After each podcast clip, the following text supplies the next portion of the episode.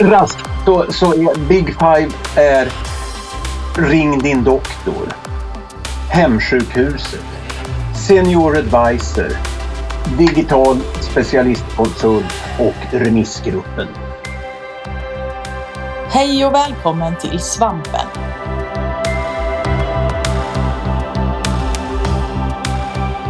Vi är ST-rådet i Svensk förening för allmänmedicin, SVAMP. Vi är ST-läkare och nyblivna specialister från hela Sverige och vi vill bidra till att föra allmänmedicinen framåt. I den här poddserien kommer vi att samtala med personer som på olika sätt brinner för att utveckla just sin del av hälso och sjukvården. De är alla eldsjälar och vi är intresserade av att få veta vad det är som driver dem och att lära oss av deras erfarenheter. Välkommen till Svampen!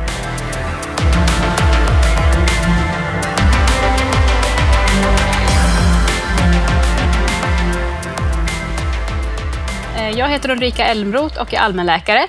Och idag så har vi faktiskt eh, en gäst som kommer tillbaka i Svampen för första gången. Åke Åkesson som är eh, allmänläkare och några andra specialistexamina. Och sen är du väl mest känd som verksamhetschef på hälsocentralen i Borgholm på Öland. Varmt välkommen tillbaka! Tack Ulrika! Du var ju med på ett av de allra första avsnitten av Svampen och det var redan 2017. Eh, och nu är vi förstås jättenyfikna på att veta hur det har gått i Borgholm eh, sedan dess. Faktum är att jag har nog inte lyssnat på den, den podden sedan 2017. Jag misstänker att det var så att jag då berättade lite grann vad vi gjorde men mycket grann vad vi tänkte göra.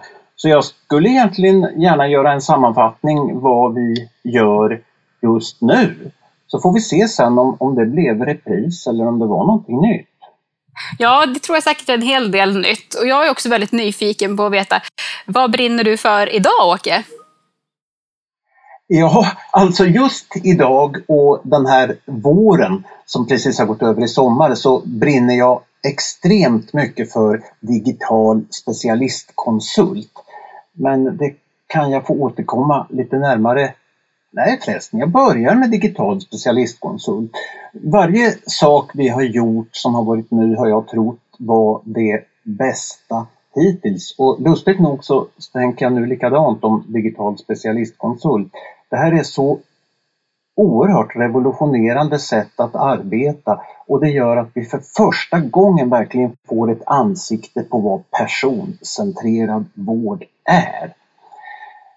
Vi har börjat med ortopeden och historiskt så har vi haft ett gott samarbete med ortopedkliniken i Oskarshamn. Vi hade länge, precis som alla vårdcentraler, en ortopedkonsult som kom en gång i kvartalet och vi bokade då upp besvärliga ortopedpatienter som vi tittade på tillsammans. För tre år sedan, så, eller kanske till och med 2017, så insåg vi att vi kunde testa att digitalisera den där ortopedkonsulten. Så då gjorde vi istället så att varje kvartal, istället för att ortopeden åkte 11 mil till oss, så drog vi in en brits framför den stora fina videoutrustningen och kopplade upp oss och sen fick jag och vi som distriktsläkare öva oss på att vara ortopedens förlängda arm till patienten. Det där gick så bra och blev så positivt så att vi började att spåna tillsammans med dåvarande chefen Dan Eriksson och nuvarande chefen Antoni Molin på ortopeden i Oskarshamn om hur vi skulle kunna ta det här vidare. Och så hade vi en plan att vi från våren 2021 skulle starta, eh, 2020 skulle komma igång med en lite utvidgad konsult. Så kom Corona och gjorde att en ortopedklinik som hade mycket planerad operationsverksamhet plötsligt fick relativt lite att göra. Och därför så drog vi igång den 9 april 2020 med digital ortopedkonsult. Det innebar och innebär att när en patient kommer till oss på vårdcentralen med ett ortopediskt problem som vi inte självklart löser själva utan normalt skulle skickat en remiss till ortopeden på så går vi istället iväg med patienten till ett särskilt rum med en stor skärm och en fin kamera och ljudanläggning, trycker tre gånger på skärmen och är sedan uppkopplade direkt till en mycket erfaren ortopedspecialist. Istället för den skrivna remissen presenterar jag kort patientens problem och patienten. Patienten kan redan då sufflera mig, korrigera mig och sen går ortopeden in och tar över samtalet. Och sen har vi en trepartskonsultation där jag övergår till att vara lite mera passivt iakttagande medan ortopeden pratar med patienten, ber mig att göra vissa undersökningar, klämma, känna, vrida. Och jag kan också bilda mig en uppfattning om patienten verkligen har fått fram sitt problem, det problem vi hade pratat om förut. Och jag kan själv försäkra mig om att jag verkligen förstår vad ortopedens budskap är. De här konsultationerna trodde vi på båda sidor från allra första början skulle försvåras av att det inte var ortopedens egna händer som var på plats. Men det visade sig raskt att det gick alldeles utmärkt ändå. Jag skuttar lite framåt, så på de första 400 konsultationerna som alltså skulle ha varit 400 ivägskickade remisser med på sedvanligt sätt utskrift, insortering, bokning, väntetid någonstans 6, 8, 10 veckor eller upp till de här tre månaderna som vårdgarantin är. Sen resa för patienten till ortopedkliniken för bedömning.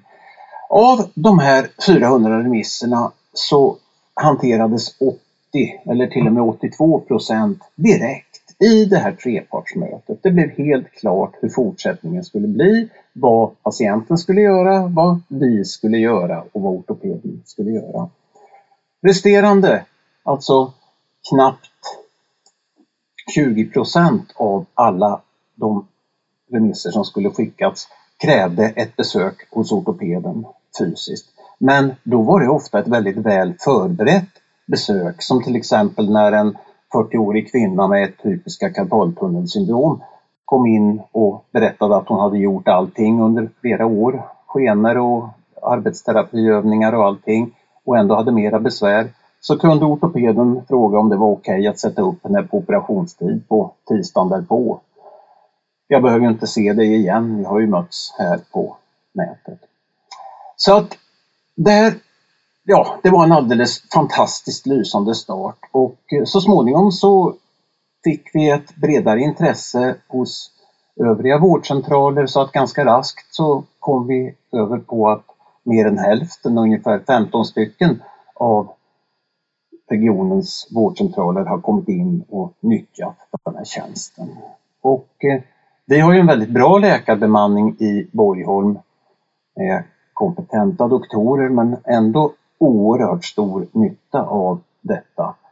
Naturligtvis ingenting mot hur stor nytta patienten har av det. Men det visar sig raskt att de som har ännu mer nytta av det här är ju de som inte har några fasta läkare. De som har veckans hyrläkare, veckans vikarie, där det normalt för patienten är ganska taskigt att få en remiss ivägskickad, bättre eller sämre, vänta kortare eller oftast längre för att det sen kommer tillbaka ett remissvar till vårdcentralen att det här är inget för oss på ortopeden, det här får ni sköta vidare och då är det inte ens någon mottagare till det svaret.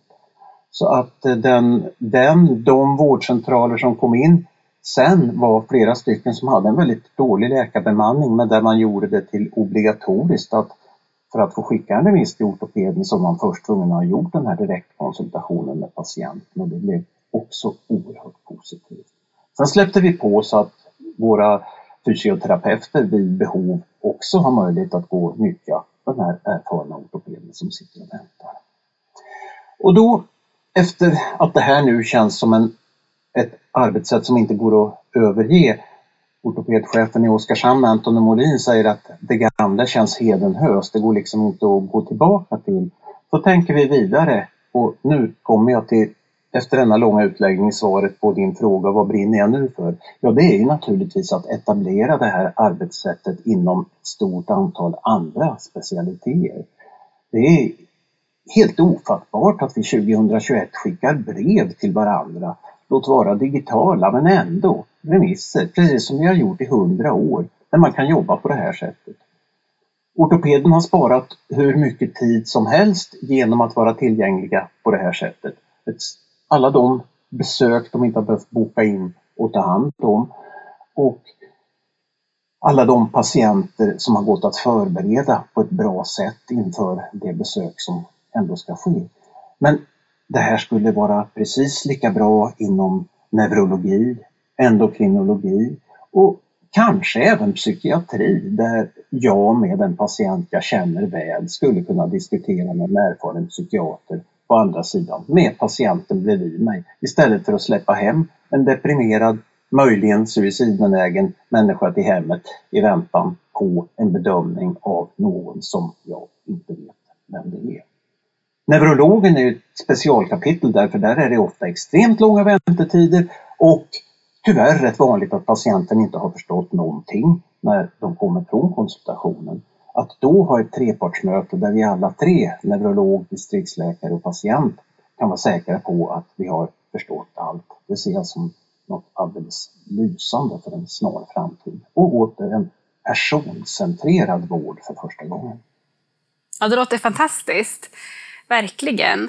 Eh, förstår jag det rätt att det är etablerat även på fler vårdcentraler eller hälsocentraler, inte bara era?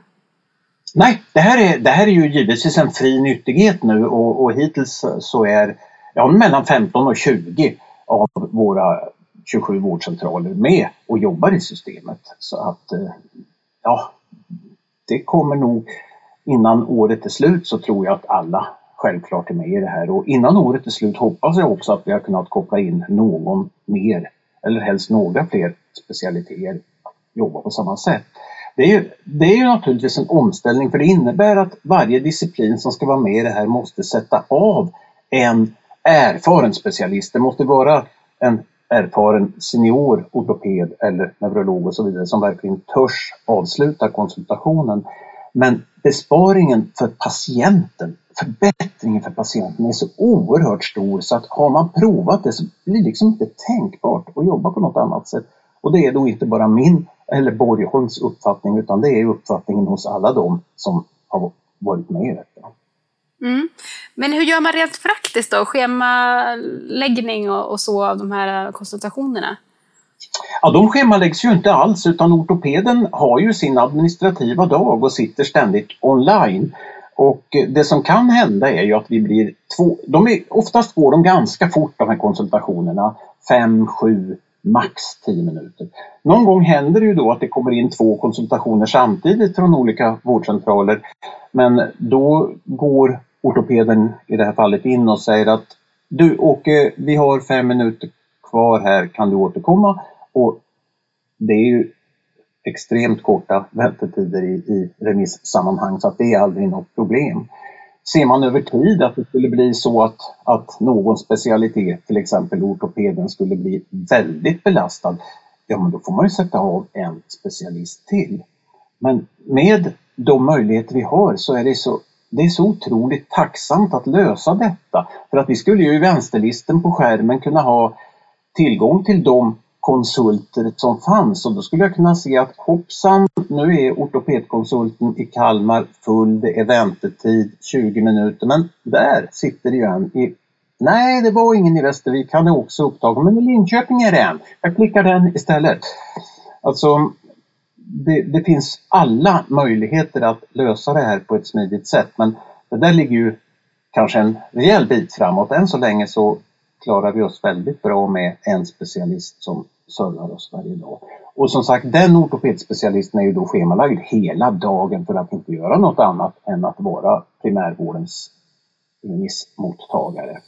Ja, och då kan man alltså under pågående, medan man har patienten där i sitt rum, så kan man alltså koppla upp sig till eh, ortopeden. Så att man behöver inte boka in ett nytt besök då för att eh, träffa ortopeden, nej, nej. utan nej, man gör det nej, inte, nej, Bra, var jag otydlig där? Det här är nästan det viktigaste. Jag går med patienten i handen eller åtminstone vid sidan in i det rummet som vi har på vårdcentralen där det står ortopedkonsult. Där står hela utrustningen laddad. Vi slår oss ner eller patienten lägger som han in, hen inte kan stå och sen så kopplar vi upp oss och då tar det ungefär 10 sekunder och sen är vi online där och mm. då sitter ortopeden på andra sidan.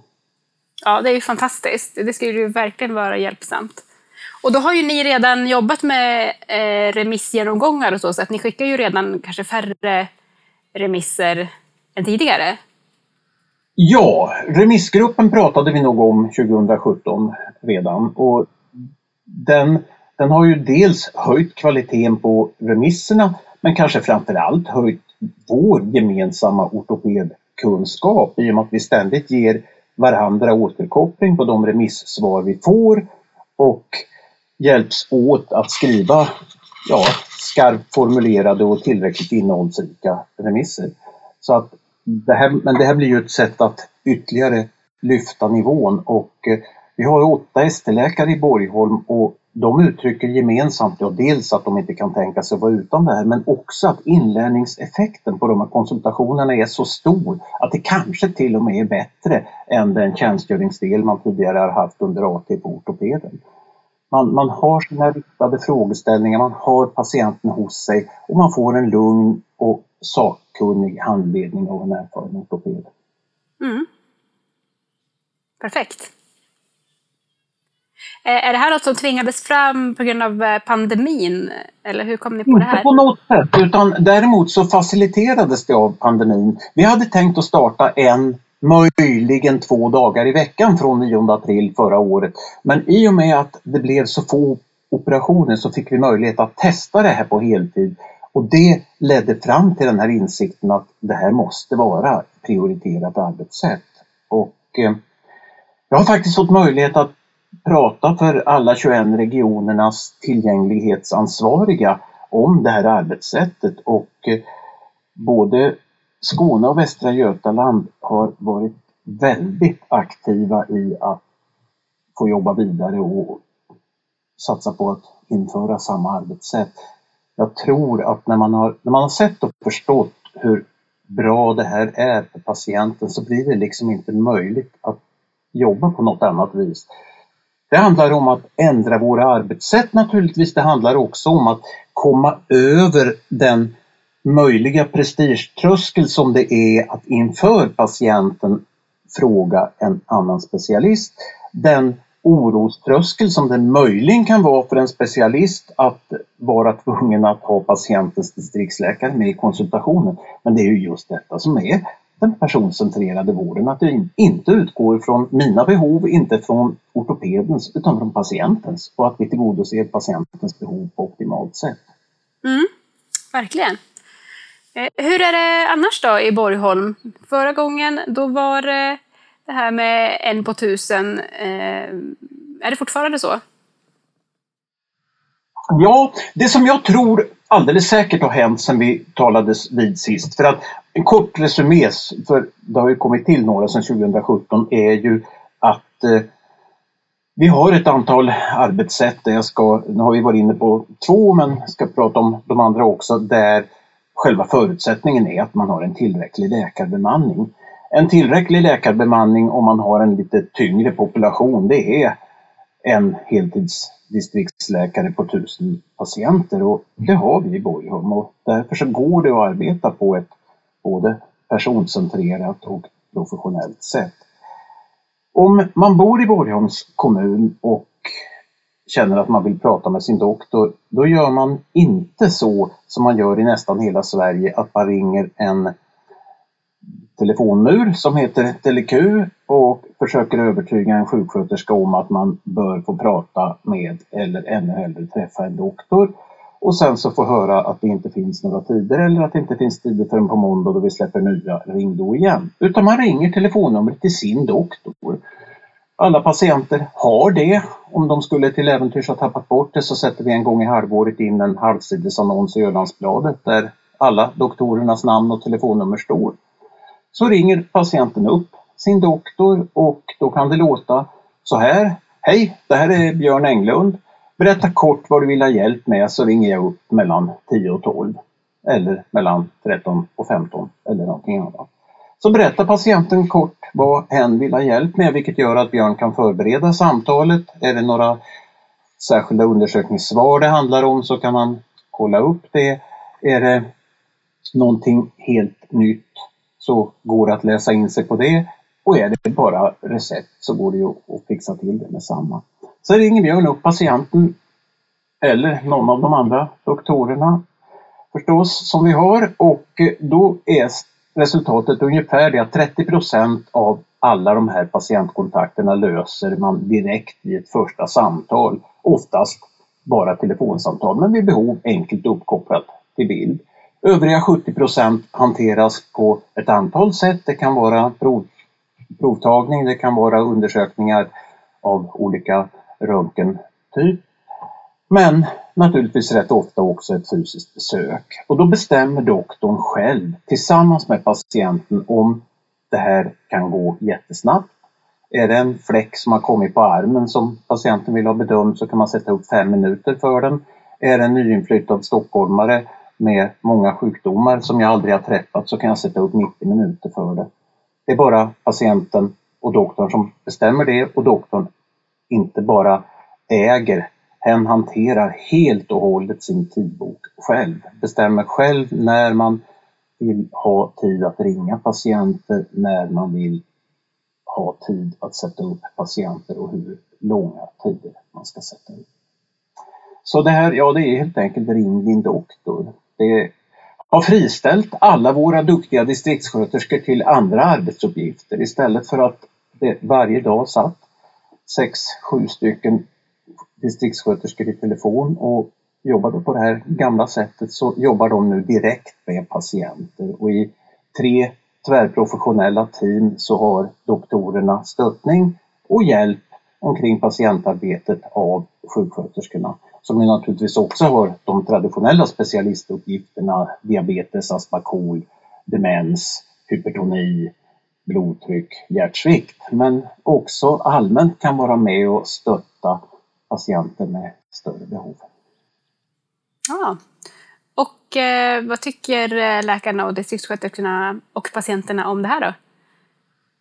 Ja, alltså det roliga är att, alla, att det verkligen är win, win, win. Patienterna eh, de tror nästan inte att det är sant. Alltså, får jag verkligen ringa min doktor när jag behöver det? Så att de är supernöjda. Till det här kopplas ju kontinuiteten också naturligtvis, att man nästan alltid får träffa sin doktor och tala med sin doktor.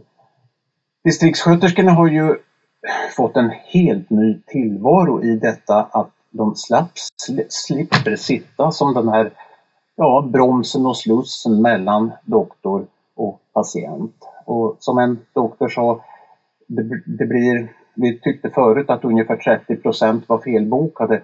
Det händer att patienter är felbokade nu också, men det är vi själva som har bokat dem fel. Ja, Så precis. Att, eh, doktor, och slutligen doktorerna, det de, det de säger mest, jag frågar ju ofta vad, vad, är det som är bäst med det här? Jo men det är att varje besök, varje läkarbesök kort eller långt är förberett. Det startar med en överenskommelse mellan patient och läkare. Vad är det vi ska göra på det här besöket? Vilket problem eller vilka problem är det vi ska försöka lösa? Och det, det gör att besöket startar i en väldigt positiv och riktad anda och blir nästan alltid väldigt bra. Det är av 14 ordinarie doktorer i Borgholm mellan 29 och 75 ingen som kan tänka sig att gå tillbaka till ett arbetssätt där andra människor bokar patienter på mig. Nej, det, låter, det är väl en viktig arbetsmiljöaspekt där att eh, man kan styra sin egen eh, dag och tidbok. Precis. Man pratar ju mycket om i primärvård-Sverige sedan länge det här att äga sin tidbok. Men det har nästan alltid betytt att man själv ska få bestämma om man ska ha 12 eller 14 blåtider och om tiderna ska vara 30 eller 20 minuter och så. Men här äger man verkligen inte bara sin tidbok utan sin arbetsdag och sin arbetsvecka. Alla doktorer har möjlighet att ta en administrativ dag i hemmet. Alla är utrustade med helt uppkopplade laptops så att man när det nu i coronatider har varit så att man relativt ofta hamnat i läget att man har fått komma in på morgonen och lämna ett corona-PCR och sen gå hem och vänta på svaret så har man ändå kunnat, om man har valt det, jobba på. Och det har de allra flesta valt eftersom man inte har varit sjuk, man har bara varit provtagen. Och det här har naturligtvis skyndat på användandet av arbetssättet så att man också har sett att ja, men planerar jag arbetet rätt så kan jag ha en dag i veckan när jag jobbar hemifrån, ringer betydligt mera, sköter min administration och så har jag fyra dagar som jag är på plats på jobbet. Och, eh, jag tror att i ett så tufft pressat jobb som det ändå är att vara distriktsläkare så bidrar det här också kraftigt till en sån förbättring av arbetsmiljön att man ja, inte kan tänka sig något annat jobb för det är ju samtidigt det roligaste som finns. Mm. Bra kombination och att även eh, man som eh, läkare på vårdcentral kan eh, jobba delvis hemifrån är ju ett lyft. Och det kanske sparar lite lokal yta också? När ni nu blir fler Ja, det är faktiskt nästan nödvändigt för oss. Vi har blivit så pass trångbodda att, att det är bra att det är några stycken hemma varje dag. Ja, Ja, men, eh, sist vi pratade i den här podden, då uh, sa du att du trodde att sex timmars arbetsdag var någonting som skulle bli uh, framtiden för primärvården. Tror du det fortfarande? Alltså, faktum är att de flesta av mina doktorer jobbar 75 procent. De har valt att, att göra det. Många för att de har barn och några för att de helt enkelt vill ha mer tid till annat. Och ja, det tror jag fortfarande, jag funderar ständigt över vem som kom på att 40 timmar är en normal arbetstid. Att jobba 40 timmar med direkt patientkontakt hela tiden, det är väldigt få som orkar egentligen. Och med det här sättet att jobba så kan man få en rimlig mängd patientkontakt även med 40 timmars arbetsvecka. Men jag ser ju hur lyckliga alla de är som jobbar 75 procent eller 80 procent. Det tror jag. Ja, vad bra. Men det krävs att man har, eh, om man ska kunna jobba hemifrån med administrationen, då har man eh, möjlighet till eh, att ha journalen hemma då naturligtvis. Ja, absolut. Alltså alla har ju någon form av bredbandsuppkoppling hemma. Och eh, den dator som man tar hem med sitskort och inloggning på säkert sätt gör att det är exakt samma arbetsmiljö som på jobbet. I vissa fall går det till och med lite fortare att bli uppkopplad i hemmet. Så att där, jag sitter här med, jag, alldeles nu så har jag faktiskt semester och sitter hemma på södra Öland men jag har precis samma tillgång till allting i min dator som jag har på skrivbordet på jobbet. Mm. Perfekt. Ja, när jag eh, skulle mejla dig om det här då fick jag faktiskt ett autosvar att jag har semester och eh, det är min eh, vikarie eller biträdande verksamhetschef som kollar min mejl. Det lät ju fantastiskt. Åke Åkesson har semester. Ja, men vad roligt att, att du fick det och vad roligt att du tar upp det. För det här är, eh, vad brinner jag för just nu? Ja, digital specialistkonsult. Men det här som, som du lyfter, det, det är något som jag tycker borde vara en av chefens viktigare uppgifter. Att se till att det finns en långsiktighet i planen för verksamheten. Borgholms hälsocentral har nu under sju år utvecklat sig själv mot de mål man har tagit fram gemensamt. Man har, vi har arbetssätt som är liksom anammade, accepterade av alla. Alla vet hur vi jobbar tillsammans för att generera nya idéer. Samtidigt så har jag tänkt att om två år göra någonting annat än att vara chef. Och då är den traditionella, det traditionella arbetssättet i regionerna och i vår region också att ja, då ska det annonseras en tjänst och sen så, så ska man vänta och se vad det är för folk som söker den och eh, sen ska verksamheten eventuellt hälsa en ny chef som inte känner verksamheten alls i primärvården relativt ofta från sjukhusvärlden faktiskt. Vi har sett ett antal chefer som kommer till vårdcentralen där det gamla jobbet är att vara enhetschef på någon sjukhusklinik. Och det innebär naturligtvis en viss chefskompetens men det innebär ett enormt kunskapsglapp i vad primärvård är. Jag minns fortfarande detta färskt ifrån 27 års sjukhuserfarenhet hur otroligt lite man förstod och kunde om primärvårdens arbetsvillkor. Då har vi tänkt att den där tempoförlusten vill vi inte ta, vi vill inte utsätta verksamheten för att hamna i något sånt här glapp där en ny verksamhetschef ska under två år plantera in en ny värdegrund och så vidare. Utan verksamheten har själv kommit fram till att vi har en av våra ST-läkare Björn Englund som är sällsynt lämpad att bli chef. Som har en del tidigare meriter med sig i form av ledarskap på olika sätt och som nu har gått regionens traineeutbildning färdigt och om två år när han är klar specialist kommer att gå in och ta över mitt arbete.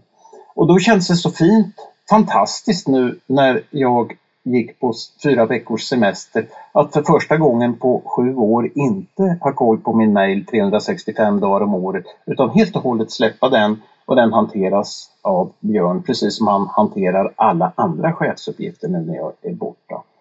Det här, eh, jag kan bara säga att jag är lycklig över detta. Det känns så fantastiskt fint att se att när jag kommer tillbaka så kommer verksamheten ungefär att säga så här att Åke, vi trodde att det skulle vara besvärligt när du skulle vara borta fyra veckor. Men vet du, det har faktiskt fungerat lite bättre än när du är här. Vill du verkligen det? Ja, jag tror och hoppas att det kommer att bli så. ja. Eller? Förlåt? Nej, jag sa vill du verkligen att det ska fungera bättre när du inte är där? Ja, jag hoppas att det ska fortsätta att fungera bättre. Och eh, som chef så måste man ju någon gång passera bäst före datum. Och det är ju fantastiskt om det kan ske under infasningen av en efterträdare också. Ja, det är väl, eh, skulle jag säga, en av eh, karaktärsdragen för bra ledarskap, att man även tänker på framtiden och att det inte bara hänger på en eldsjäl som liksom när den försvinner så är bara allting ut. Ehm, så det får vi verkligen... Detta, detta är så superviktigt. Mot Borgholmsmodellens sätt att arbeta har det någon gång anförts att det här, de här arbetssätten, det hänger på att det är en eldsjäl som driver det, måste vara så. Det vill jag hävda bestämt att det inte gör, utan det här hänger på att en hel verksamhet ges förutsättningar att arbeta på ett nytt, på ett bättre, på ett personcentrerat sätt. Om verksamheten får de förutsättningarna så kommer den att göra det. Och chefens uppgift är ju att hela tiden skapa de förutsättningarna. Och gör man det så då blir det här eldsjälsberoendet. Nej, det viktiga är inte att det finns en eldsjäl. Det viktiga är att det finns en chef som ger alla medarbetare möjlighet att jobba på toppen av sin förmåga. Mm. Precis. Men vem är det som ska komma med alla de här bra idéerna?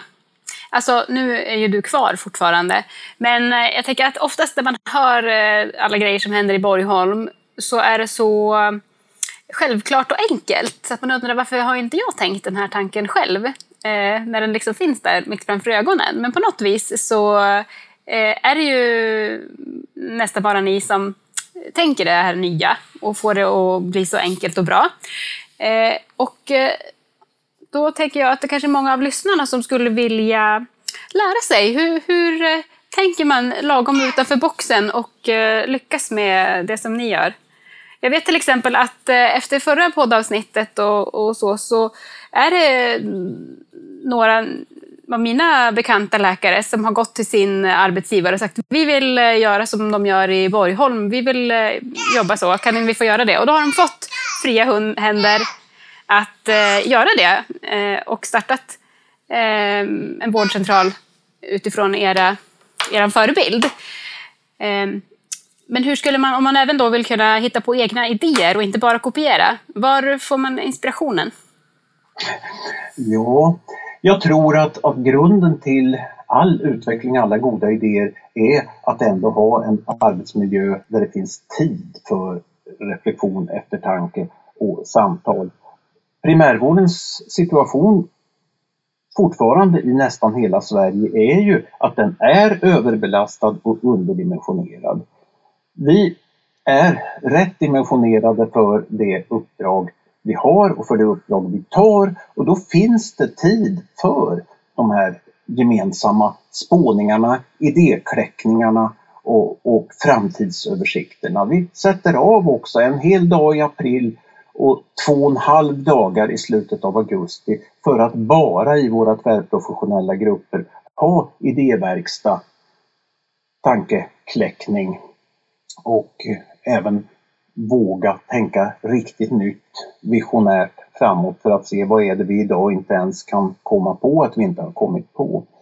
Men alltså grunden till allt detta är nog ändå arbetsmiljön för alla yrkeskategorier. Det är det ena och det andra är det tvärprofessionella samarbetet. Det blir inte bra utveckling om man har en läkargrupp och man har en sköterskegrupp som sitter och försöker lösa problemen själva. Då lägger man rätt ofta över lösningarna på den andra sidan. Utan det tvärprofessionella arbetssättet där doktorer, sköterskor, medicinska sekreterare, undersköterskor och eventuellt övriga kategorier pratar tillsammans och där alla kommer till tals. Ja, men det är det arbetssätt som har lett oss fram till den, ja, där vi är idag.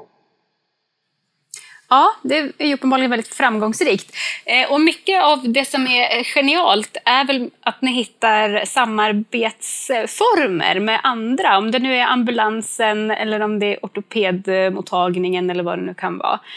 Ehm, är det något eh, mer sånt där samarbete som ni håller på med?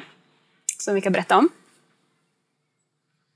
Jag ska kommentera först just det här med, med samarbete överhuvudtaget. Alltså traditionellt är ju distriktsläkarjobbet ett ensamt jobb. Många sitter fortfarande på sitt rum, har sina patientkontakter från morgonen till kvällen och går sen hem. I de här forumen vi har, framförallt remissgruppen, så pratar vi ju med varandra tvärprofessionellt men vi har ju även en annan, ett annat forum som har lett till prestigelös kommunikation på ett helt nytt sätt och eh, det är våra senior advisors. Att vi, nu kan man säga att det påminner ganska mycket om digital specialistkonsult fast den är fysisk. Vi har ju varje dag en erfaren doktor, en senior doktor i samtliga fall faktiskt över 60 år med sådär 30-40 års primärvårdserfarenhet bakom sig som sitter med öppen dörr och svarar på alla frågor från alla utbildningsdoktorer, från alla distriktssköterskor men också faktiskt ibland från andra seniora doktorer. Vi har fått en kultur som är sån att, att det är självklart att tala med varandra om man är osäker. Eller till och med självklart att tala med varandra om man inte är absolut säker. Det gör att eh, ingen går hem klockan halv fem med en sån här malande fråga, hur skulle jag gjort, vart det här fel? Utan man går hem trygg i förvissning om att man är alltid minst två som delar på en besvärlig fråga. Sen försöker vi att utveckla vidare där att prata med andra kategorier. I höst tänker vi oss att vi ska försöka precis som när vi skapade hemsjukhuset, vilket jag inser att det är mycket bättre att lyssna på den förra podden än att jag berättar det igen. Så att, att bjuda in kommunen brett, att bjuda in ambulanspersonal brett för att tala om hur vi utvecklar vården vidare i livets slutskede. Det är, ett sånt här närliggande projekt. Vi har ju börjat redan för tre år sedan med att digitalisera vården med hemmonitorering för de mest sjuka hjärtsviktspatienterna. Att göra motsvarande på palliativsidan och att verkligen tillsammans med enskilda sjuka patienter, deras anhöriga, kommun, hemtjänst, hemsjukvård, ambulans, det som är hemsjukhus, göra en riktigt optimal sista del av livet. Det är någonting som kräver väldigt mycket kommunikation som Corona har visat att det fungerar som sämst om man inte kommunicerar och ja, där vi tror att vi kan göra något riktigt bra också. Mm. Eh, det är till hösten alltså? Mm. Mm. Annars har vi faktiskt inget helt nytt mer i pipelinen än att försöka driva digital specialistkonsult vidare. Och eh, jag tror att det räcker ganska långt därför att om vi tänker oss i, i Sverige så har vi ju Europas mest sjukhuscentrerade sjukvård. Och eh, om vi nu tänker oss att vi går in på Anna Nergårds nära vårdsutredning, att vi får till 10 000 distriktsläkare i Sverige inom fem år, vilket inte är särskilt svårt. Då har vi en på tusen i snitt i hela Sverige. Att varje distriktsläkare alltid är garanterad en digital specialistkonsult med patienten vid sin sida. Då tippar vi över hela den här sjukhuscentrerade vården till patientens sida med primärvården som lots, stöd och bas. Det är så enkelt och det kan bli så revolutionerande bra. Och det finns inga förlorare. Eh, det kommer naturligtvis att bryta utvecklingen av fler och fler sjukhusspecialister. Men å andra sidan så kommer det att bli så många sjukhusläkare som ser glädjen i att jobba på det här sättet så att de 3-4 tusen doktorer som måste till på fem års sikt i primärvården förutom de vi har, de kommer nog till en inte så liten del att komma från lämpliga sjukhusspecialiteter där man ser att det är ganska trevligt att i 45-50-årsåldern sadla om, gå ut och bli doktor på riktigt. Ja, det vore ju väldigt välkommet. Ehm, men eh, jag har för mig att du har pratat någonting om eh, samarbete med kommunen angående psykiatrisköterskorna. Ja, just det. Vi, allmänt så är det ju väldigt svårt att få till nära samarbete, gränsöverskridande samarbete med, mellan kommun och region. Hemsjukhuset 2016 var ju genombrottet för det arbetssättet att skapa en gränslös samverkan eller en sömlös och gränslös samverkan där patienten inte skulle behöva bry sig om vem som var huvudman.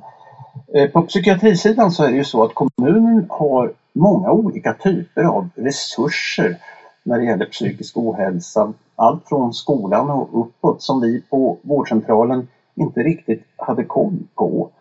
Vi har lagt rätt mycket mera egna resurser på psykisk ohälsa. Vi har en psykiatrisjuksköterska som jobbar på heltid med psykisk ohälsa. Vi har en dubbelspecialist i psykiatri och allmänmedicin som är mycket engagerad i detta också. Men för att få koll på liksom hur kommunen tänker och jobbar så har vi dels på halvtid fått in en sjuksköterska som just har lämnat kommunen och som har jobbat i många år där med psykisk ohälsa. Och sen har vi under våren också, och det är nog ett arbetssätt som jag önskar ska kunna komma mera, en psykiatrisjuksköterska från kommunen som har fortsatt att jobba tre dagar i veckan på kommunen och jobba två dagar i veckan på vårdcentralen. Det har inneburit kommunikationsmöjligheter och nya insikter som har varit fullständigt ovärderligt. Ja, wow! Eh, det låter ju faktiskt eh, helt otroligt bra. Eh, för då kan man ju alltså då skippa det här mellanledet, utan då pratar man med sig själv då, den här personen. Ja, ja. och att, att göra det i större utsträckning är något som jag tror ah, det ligger väldigt mycket i framtiden i det. Vi har sett det i hemsjukhusarbetet, hur, hur bra det blir om kommunikationsvägarna kortas.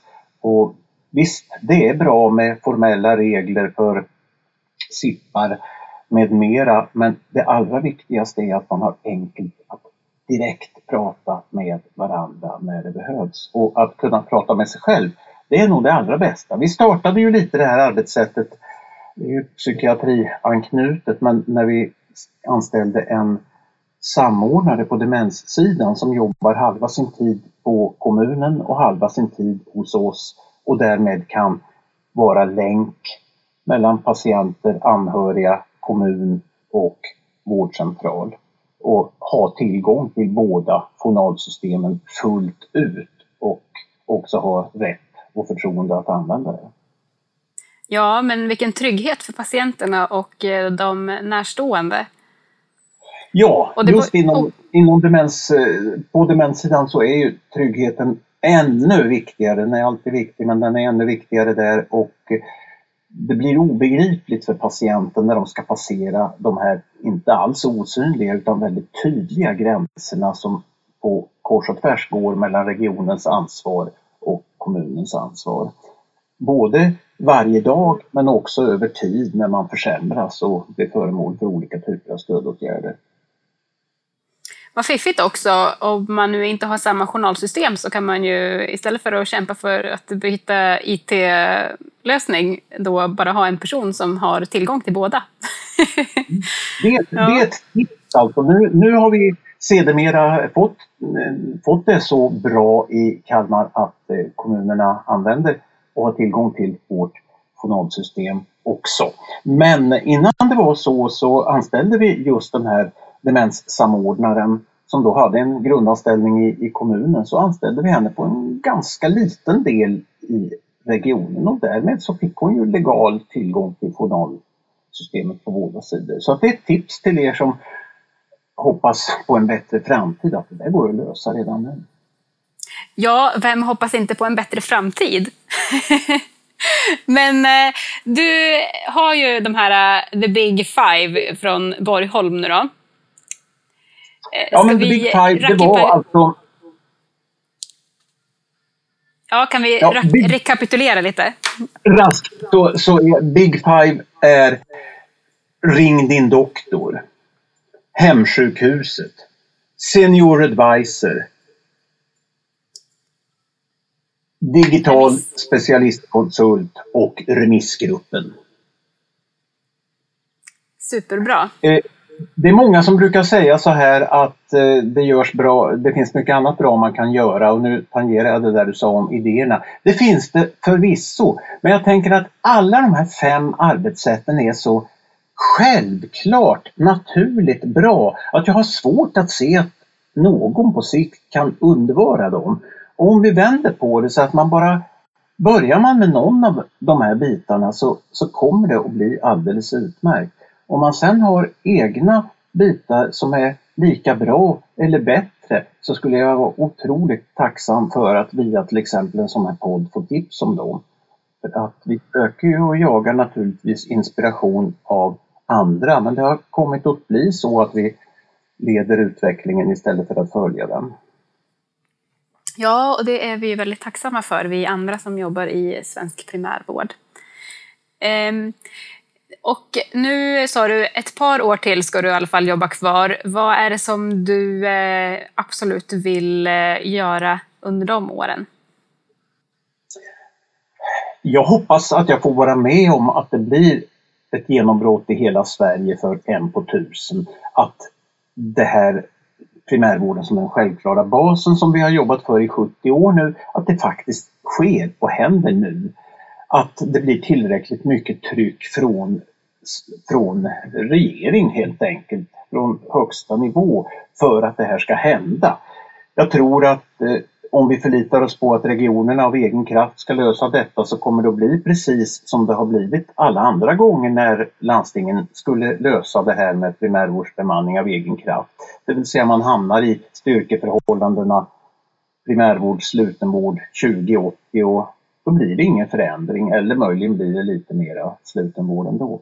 Jag tror och hoppas att jag kommer att få se det här hända under de här två åren och att eh, många, många fler distriktsläkare ska få uppleva samma självklara arbetsglädje som jag vet att de allra flesta, eller som jag vet att alla doktorerna i Borgholm har för det allra mesta.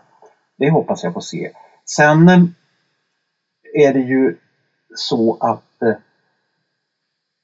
jag tror att eh, man kan dela in livet i stort sett i tre delar. Och där går jag då in i den bästa tredjedelen nu där man har lärt sig tillräckligt mycket för att kunna vara åtminstone bra på några saker och jag hoppas att jag under väldigt lång tid ska kunna fortsätta med andra saker som jag är bra på. Men eh, jag tror att, eller jag är övertygad om att det är väldigt bra med en, ett byte på chefsposten. Ja, och den inskolningen har redan börjat då alltså? Ja, jag tror egentligen så tror jag att det är så här att jag skulle kunna stanna hemma nu så skulle verksamheten fortsätta att fungera på minst lika bra sätt alldeles utan mig. Men eh, nu är det ju så roligt också så jag vill gärna fortsätta att köra alla milen till Borgholm i två år till. Ja, det tror jag. Det märks ju på dig att du brinner för det här. Eh, är det något annat som du vill dela med dig nu till lyssnarna? Jag tror att det räcker så här, men, men Ulrika, kan vi inte bestämma att vi kör en podd om två år till för att se om det faktiskt verkligen inte har hänt någonting mer än Jo, absolut. Det är jag helt säker på att det kommer att ha gjort en hel del. Vi får garanterat återkomma till Borgholm fler gånger. Eh, men då säger jag tusen tack för idag, Åke Åkesson. Och fortsätt njuta av din semester. Tack Ulrika, jag ska göra det och tack för att jag fick, eh, om jag förstår det rätt, vara med som första för andra gången. Så, så kanske som sagt om två år så blir det första för tredje gången. Ja, eller ännu tidigare än så. Vi får se. Vi säger det. Tack, ja. hej! Tack, tack, hej då!